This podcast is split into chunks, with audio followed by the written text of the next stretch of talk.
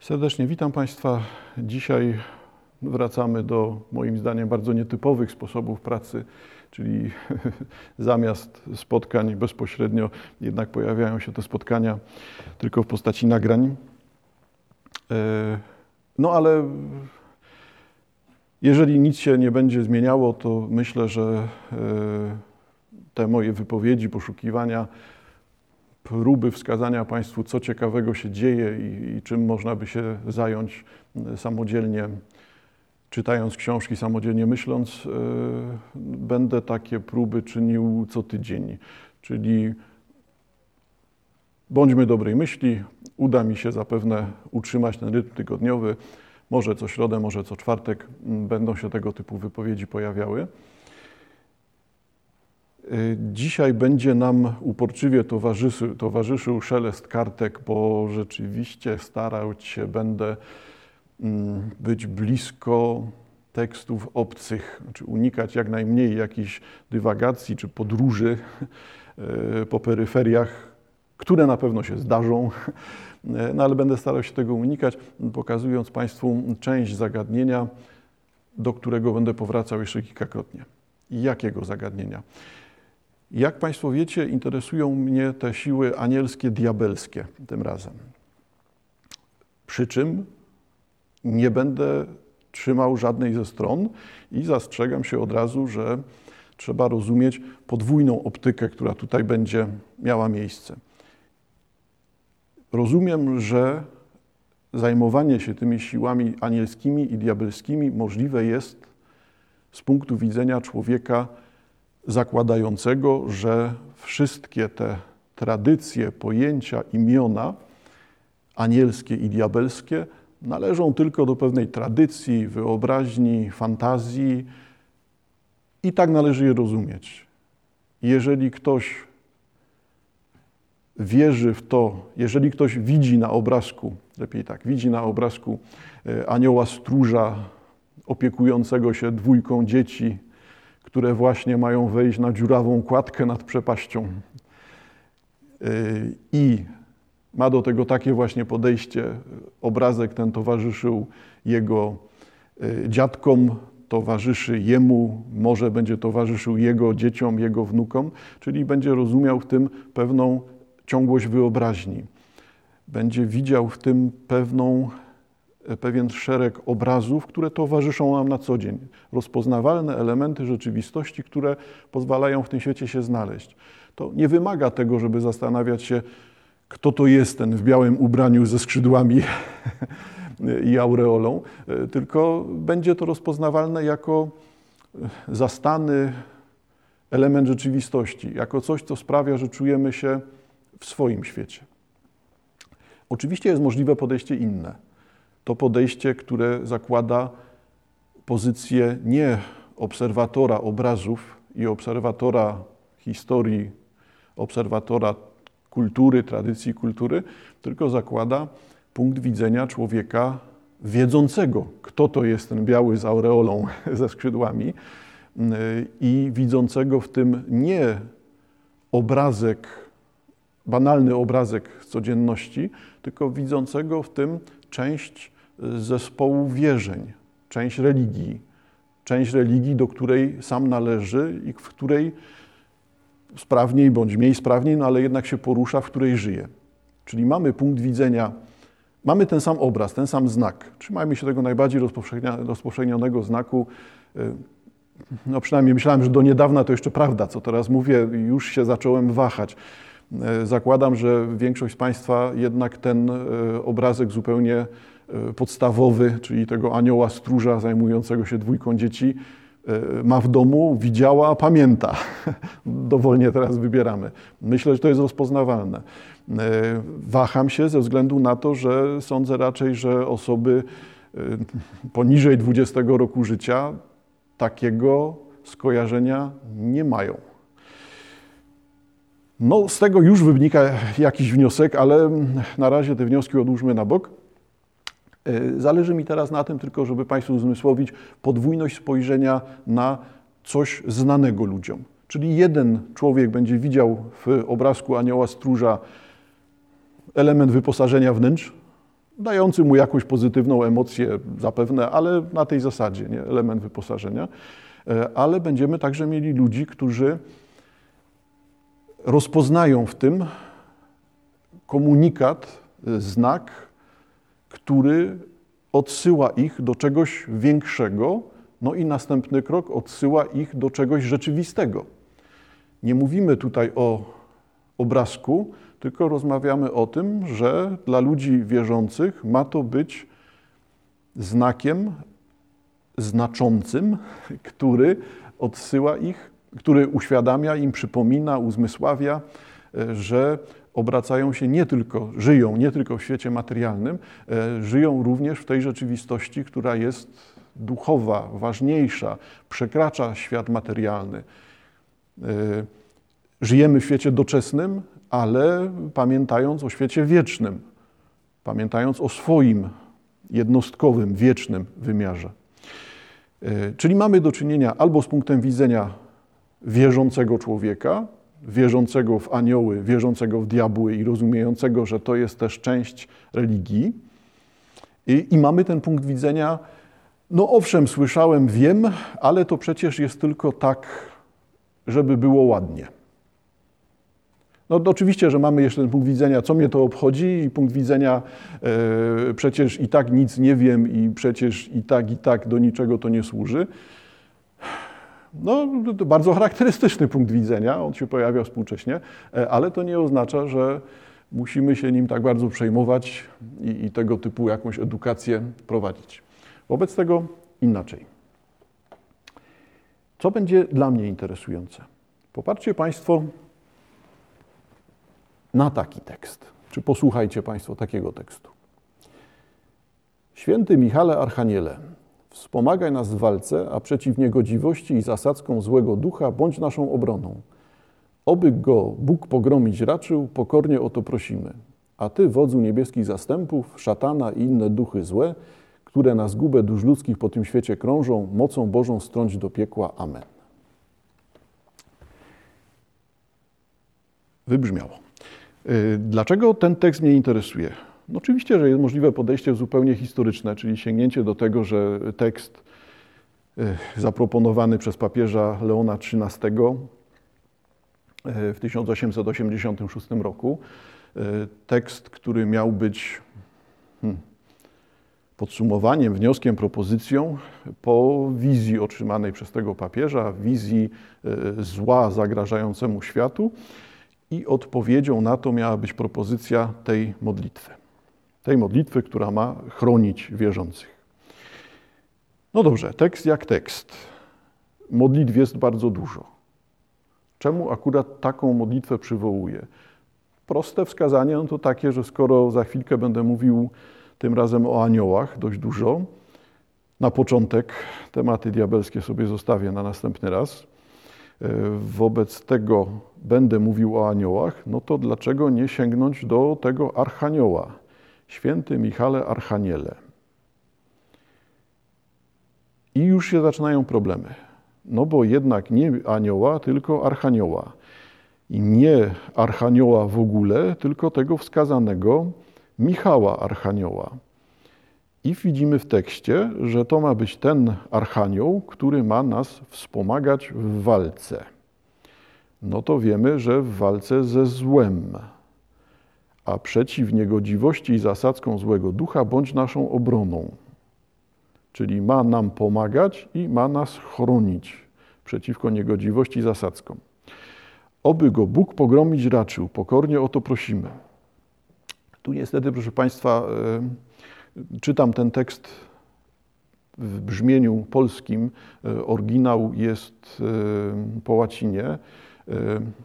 E, no, pewne trudności składniowe się tutaj pojawiają i dlatego ta, ta modlitwa nie brzmi tak płynnie po polsku. No, wynika to no, z tej różnicy, no, że trzeba przejść z łaciny na język polski. Stąd moim zdaniem może zamiast tej wierności przekładowi łacińskiemu dobrze by było uporządkować to tak, żeby rytm był właściwy. Tutaj No, nie jest to tak zrobione, ale, ale no, taką modlitwę mamy. Jest to wersja oficjalna, tłumaczenie tej modlitwy papieża Leona XIII. Oby go Bóg pogromić raczył, pokornie o to prosimy. Czyli prosimy Boga o to, żeby Michał Archanioł, święty Michał Archanioł, miał być narzędziem Boga, które będzie gromiło zło. Prosimy Boga, ale prosimy Boga o to, aby, i teraz mamy ciąg dalszy, a Ty, wodzu niebieskich zastępów, i już się pojawia ciekawa rzecz, ale o co chodzi z tym wodzem niebieskich zastępów? Szatana i inne duchy złe, no to, czyli czytamy o tym złu, które istnieje i o tym złu personifikowanym. Szatana i inne duchy złe które na zgubę dusz ludzkich po tym świecie krążą, czyli to jest ta siła zła, to zło, które nas otacza, to te siły zła mają być mocą Bożą strącone do piekła. Modlitwa pojawiła się pod koniec XIX wieku. Pojawiła się na początek jednak lokalnie. Nie śledzę dokładnie historii tej modlitwy, zainteresowanych już odsyłam do studiów własnych. Mnie interesuje to, że ta modlitwa pojawia się w Polsce. E, pojawia się w Polsce i teraz jednak najczęściej uwagi, też nie wiem, czy do końca zasadne, no ale to są uwagi wskazujące na to, że do popularyzacji tej modlitwy przyczynia się e, działalność ojca Ryzyka, Rydzyka i Radia Maryja, które ma szczególnie to popularyzować. Owszem, to zapewne jedna z tez, bo to też na pewno nie jest tak, tak płytkie, jak teraz zabrzmiało. Na pewno jest trochę więcej motywacji popularności tej modlitwy, jednak e, tutaj interesuje mnie nie geneza, czyli to, kto się przyczynił do popularności, bo będzie to zawsze dyskusyjne, e, tylko interesuje mnie oddźwięk. No nie, nie badam tego statystycznie, nie jestem tutaj w stanie tak dokładnie tego zweryfikować. E, jednak zauważcie Państwo, że e, mamy do czynienia z modlitwą, która mm, falami e, przez ostatnie lata, kilkanaście lat, mm, obejmuje całą Polskę. I co z tego ma wynikać? Ma wynikać z tego nie takie proste uzasadnienie, hmm, że wszyscy posługujący się tą modlitwą stają się osobami wierzącymi, wiedzącymi o co chodzi i podnosi się ich poziom wiedzy religijnej, y, rośnie ich wiara, tak językiem kaznodziejskim mówiąc. Hmm, tylko wynika z tego dla mnie coś innego. Wynika z tego dla mnie pytanie, co sprawia, że właśnie ta modlitwa ma oddźwięk. Ta modlitwa jest obecna i ta modlitwa jest znana w Polsce. I tu zaryzykuję coś, co no, no, stawiam jako jakiś rodzaj mm, tezy, ale, ale zakładam, że to raczej jest właśnie teza wynikająca z moich osobistych przemyśleń. Nie popieram tego statystyką, nie popieram tego badaniami. No, raczej obserwuję rzeczywistość, a ściślej obserwuję teraźniejszość. No, jak wiemy, teraźniejszość jest bramą wyłączną do świata. Wobec tego tylko przez refleksję nad teraźniejszością można zdobyć wiedzę na temat tego, co dzieje się w świecie, w którym uczestniczymy, w tym świecie, w którym działamy. Ja oczywiście rozumiem i podziwiam tych, którzy do dzisiaj siedzą w łacinie i siedzą w kulturze antycznej i widzą, że ten świat dzisiejszy jest tak spsiały, że nie ma sensu się nim zajmować. Najlepiej zajmować się jednak wielkimi prawdami i wielkimi odkryciami na samym początku ich istnienia, czyli myśl grecka, myśl rzymska e, żyje, działa i jest to najważniejsze, a potem tylko takie wtórne popłuczyny. E, bardzo sympatyczne na pewno z, z uśmiechem i, i z podziwem myślę o tych, którzy pozostają wierni antykowi, temu grecko-rzymskiemu antykowi. No tym niemniej to nie jest ta droga którą ja sam zmierzam. Stąd wracamy do naszego tematu. E, czyli, proszę Państwa, jeżeli refleksja nad teraźniejszością ma prowadzić do świata, to interesuje mnie, dlaczego ta modlitwa do świętego Michała Archanioła e, ma taki oddźwięk. I teraz mogę to rozumieć tak, jak zaproponowałem przed chwilą, że rośnie poziom wiary w Polsce i wszystko jest coraz piękniejsze. Ach, jednak to sformułowanie jest dość ryzykowne, czyli musi być inne. Jakie inne sformułowanie? Niestety takie, które wynika z tej modlitwy. Modlitwa pokazuje nie tylko, określa nie tylko cel. Nie da się sprowadzić modlitwy do samego celu. Czyli celem jest tutaj no, prośba o pomoc. Prośba o pomoc Boga, prośba o pomoc Boga, aby przy pomocy Archanioła, aby przy pomocy świętego Michała Archanioła wspomagał ludzi w walce ze złem. Zetknąłem się z sądami nieuzasadnionymi, no ale takie sądy się pojawiały, że modlitwa ta jest traktowana jako rodzaj egzorcyzmu. E, egzorcyzmu, czyli mm, takiej wypowiedzi, takiej modlitwy, która ma na celu wypędzenie złego ducha. E, tutaj nie ma elementów egzorcyzmu w tej modlitwie, jest to jednak modlitwa z prośbą o wstawiennictwo, e, ale zauważcie Państwo, rozpoznawanie tej modlitwy przez współczesnych ludzi jako egzorcyzmu jest dla mnie ciekawe, bo jeszcze raz wracając, pokazuje, jaka jest motywacja, pokazuje, dlaczego ludzie wybierają tą modlitwę, dlaczego ona jest ważna dla ludzi. No dobra, no to dlaczego jest ważna? Dlatego, że ilustruje ich obawy. Dlatego, że wynika z tego wewnętrznego głodu, z czegoś, czego ludzie oczekują od świata. Czy, czego wyrazem jest ta modlitwa? Wyrazem wiary w Boga, no oczywiście, jak każda modlitwa, trudno mówić o modlitwie ateisty, chociaż, chociaż, ale odłóżmy to na kiedy indziej. Wobec tego jesteśmy w innym miejscu. Mamy wyraz wiary w Boga, dobra. Mamy wyraz wiary w zastępy broniące dobra. I teraz wiemy, że chodzi o obronę dobra, a niepokojące jest to słowo zastępy. No bo to słowo zastępy odwołuje nas, e, odsyła nas jednak do armii. Wobec tego przeciwko złu świata Bóg wystawia swoją armię. No to jakim złem?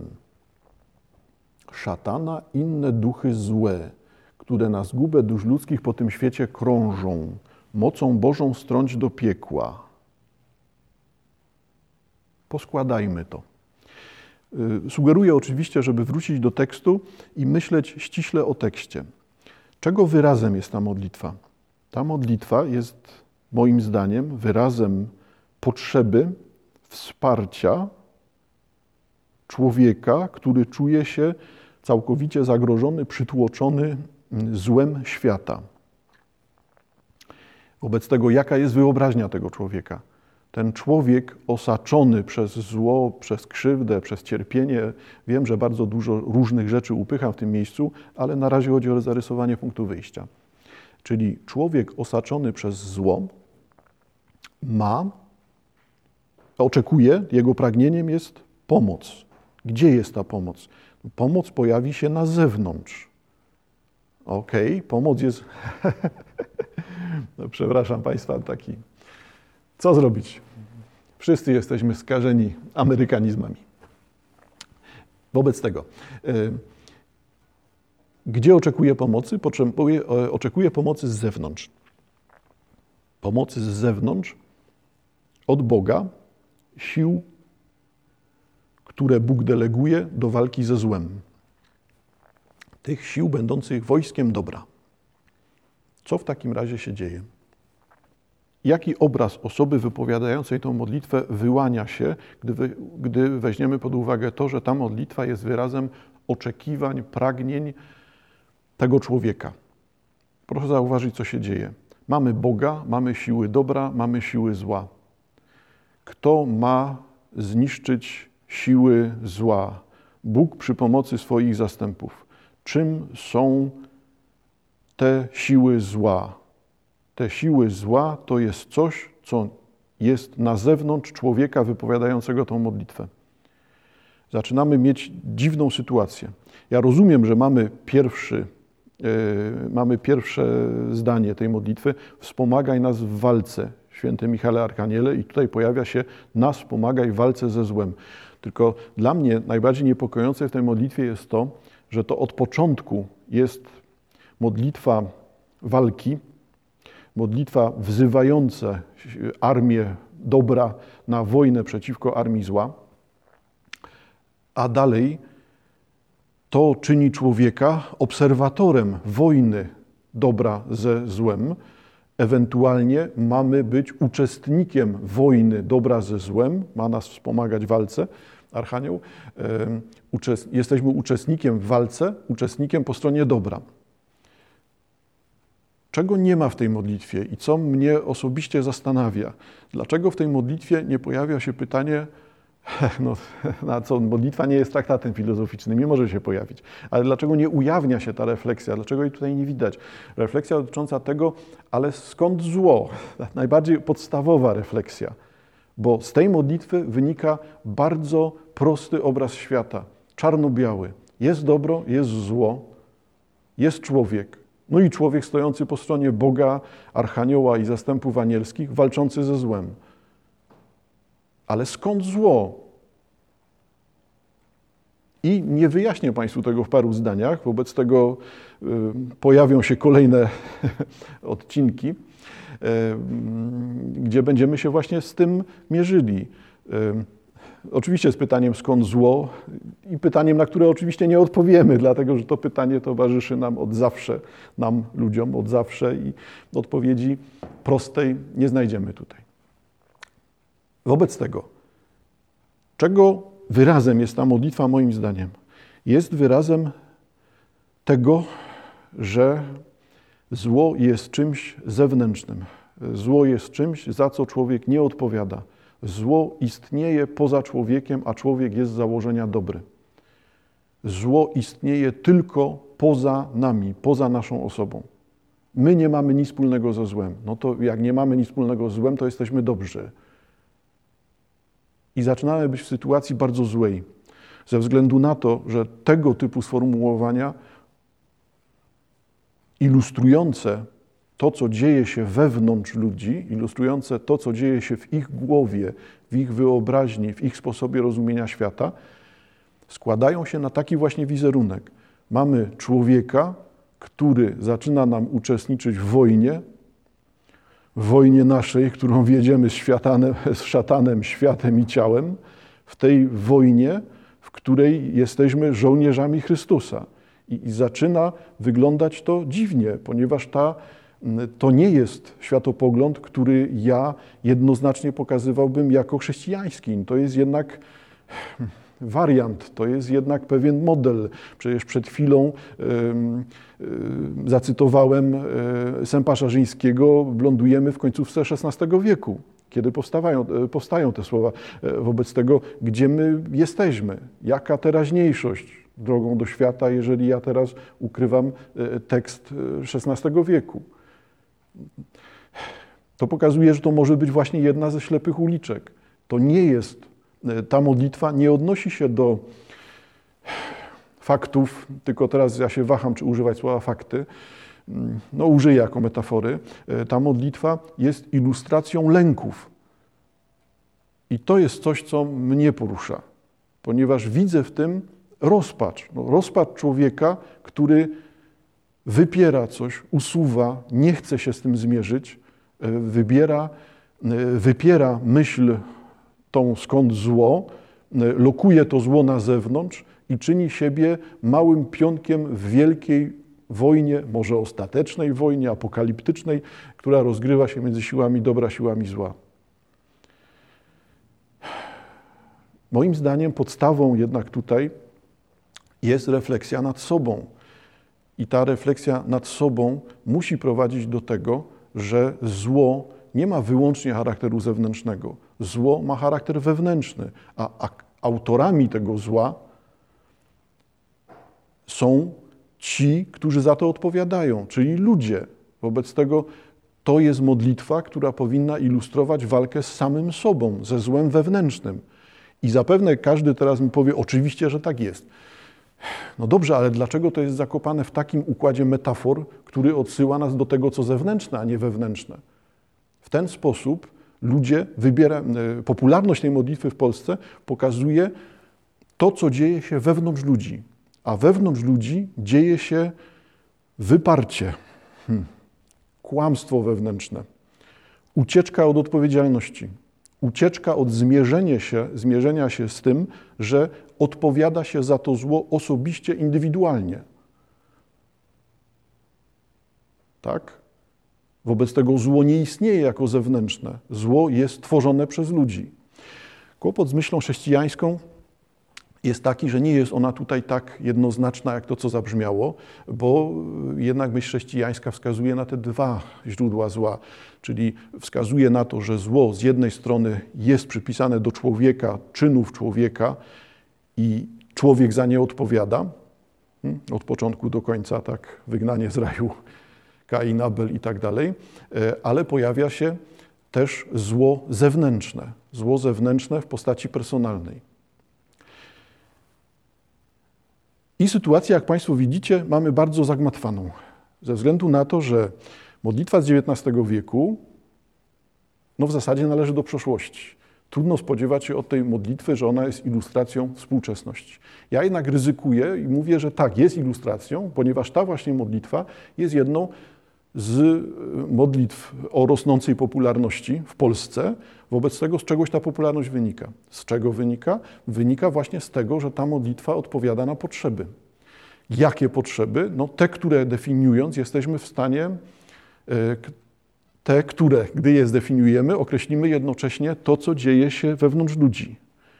I to jest to, co zabrzmiało przed chwilą. Czyli ja zakładam, że popularność tej modlitwy pokazuje nam, uzasadnia, jest argumentem wskazującym na stan zagubienia, chaosu, rozpaczy, miotania się tego człowieka, który desperacko, współcześnie żyjąc, próbuje odnaleźć coś pewnego.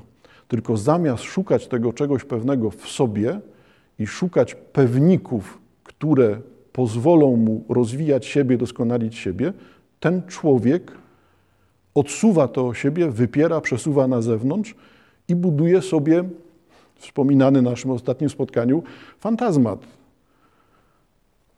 Wobec tego ta myśl o tym, że świat jest zły, wszystko jest zły, a ja jestem złe, a ja jestem ten biedny, zagubiony, niszczony przez zło i tylko Bóg i zastępy anielskie uratują mnie przed złem, to jest fantazmat. To przecież E, fantazmat tutaj traktowałbym jako rodzaj tego protezowania, zaklejania ubytków rzeczywistości, budowania sobie z pojęć wyobrażonych e, tego świata, w którym chcemy się zadomowić, tego świata, który chcemy rozpoznawać jako własny. Wobec tego, jaki świat chcemy współcześnie rozpoznać jako własny? Ten świat, który zabrzmiał przed chwilą. My, żyjący w Polsce na początku XXI wieku, chcemy być, chcemy myśleć o sobie, że jesteśmy dobrzy, że żyjemy uczciwie, że żyjemy po stronie dobra, a całe zło rozgrywa się na zewnątrz nas. No wobec tego nie tylko na zewnątrz osoby, tylko rozgrywa się na zewnątrz Polski. I proszę zauważyć, że przecież ja teraz wyważam otwarte drzwi. To jest już coś, co jest oczywistością od wielu lat. To przesunięcie zła poza y, społeczność, poza kraj, poza tą grupę ludzi, która utożsamia się z polską polskością. Wszystko, co jest tutaj, jest dobre. Jeżeli szukasz zła, to musisz go szukać na zewnątrz. A jeżeli nawet zło pojawia się w Polsce, to to zło jest zewnętrzne. Hmm? No proszę zauważyć, że o tym mówiliśmy wcześniej. No to jest ten rodzaj myślenia, który, no, który nam towarzyszy. Widoczny jest w mediach, widoczny jest e, w mediach rozumiany jako ciągi, kanały informacyjne, rozum, widoczny jest w filmie, w serialu, widoczny jest w książce. Wobec tego ten właśnie model tej Polski tożsamej z dobrem, tożsamej z Bogiem, model bycia Polakiem, który należy do zastępów anielskich i dowódcą każdego Polaka jest święty Michał Archanioł. Zauważcie Państwo, jak ładnie to brzmi, ponieważ mówię o czymś przecież, co nie jest tak naprawdę ostatnimi paroma laty. No to jest pewien model rozumienia polskości, istniejący chyba od setek lat. No ale teraz jakby szczególnie aktualizowany jest właśnie ten model rozumienia polskości. Wobec tego, dlaczego w Polsce trwają protesty? Dlaczego w Polsce pojawia się, e, skąd się bierze to, to ci ludzie chodzący na spacery i zaznaczający swoje, delikatnie mówiąc, niezadowolenie? No przecież to od razu sprawia, że ci ludzie, którzy nie, e, nie uznają tego, że Polacy są wyłącznie dobrzy i Polacy są oczywiście w tych zastępach anielskich dobra i walczą po stronie Boga, tylko widzą to, że Polacy są również źli. Tak jak są dobrzy, tak samo i są źli. Tak podejmują dobre decyzje, tak samo podejmują błędne. Tak jak proponują rozwiązania, to tak też i narzucają zagmatwania, zaplątania i takie chaosy, z którymi się zderzamy codziennie. Wobec tego wszyscy, którzy wypowiadają takie sądy, niniejszym ja, jesteśmy przestępcami, jak się dowiedzieliśmy ostatnio. E, to należy do całego ciągu, tak, niebycia Polakiem, e, bycia e, fałszywą elitą, no i teraz przestępcą, a z radzieckimi mordami jeszcze po drodze było zaskakujące, no ale właśnie widzę w tej, w tej jednej modlitwie widzę odpowiedź, po prostu co się dzieje, w którym miejscu jesteśmy. Skoro tak duża grupa Polaków utożsamia się z tym światopoglądem, no, który tutaj rozpoznaliśmy jako należenie do zastępów anielskich i walkę ze złem, które jest wyłącznie zewnętrzne, no to to właśnie oznacza, że wszystko, co zewnętrzne jest złe, wszystko, co wewnętrzne jest dobre. A jeżeli coś wewnątrz nie działa, to oznacza tylko, że mamy obcą agenturę. Piątą kolumnę, która właśnie y, udowadnia to, że nie jest stąd, nie jest z tej społeczności, nie jest Polakiem po drodze. I tak to zaczyna nam dziwnie brzmieć. E, wtręty może o współczesności uzasadnione czy nie, no bardziej stają się felietonem niż jakąś wypowiedzią sensowną. E, no ale proszę je też jako felieton potraktować. No to jednak są sądy, które towarzyszą rozumieniu tekstów. No a jakby na tym mi zależy i dlatego pojawia się ta, ten popularny tekst, Proszę go na spokojnie przeczytać, samodzielnie przemyśleć i zobaczyć właśnie w nim nie to, że jest to projektowana rzeczywistość, którą oczekujemy, tylko wyrazem jakich potrzeb jest ten tekst. I wtedy na tą modlitwę patrzy się no, z niepokojem. Z niepokojem, bo, bo te potrzeby są tak dziwne. Osobiście nie mam potrzeby należenia do żadnej armii. No, dziwnie to może zabrzmieć. Y, bo mam potrzebę stania po stronie dobra, y, ale nie w postaci armii.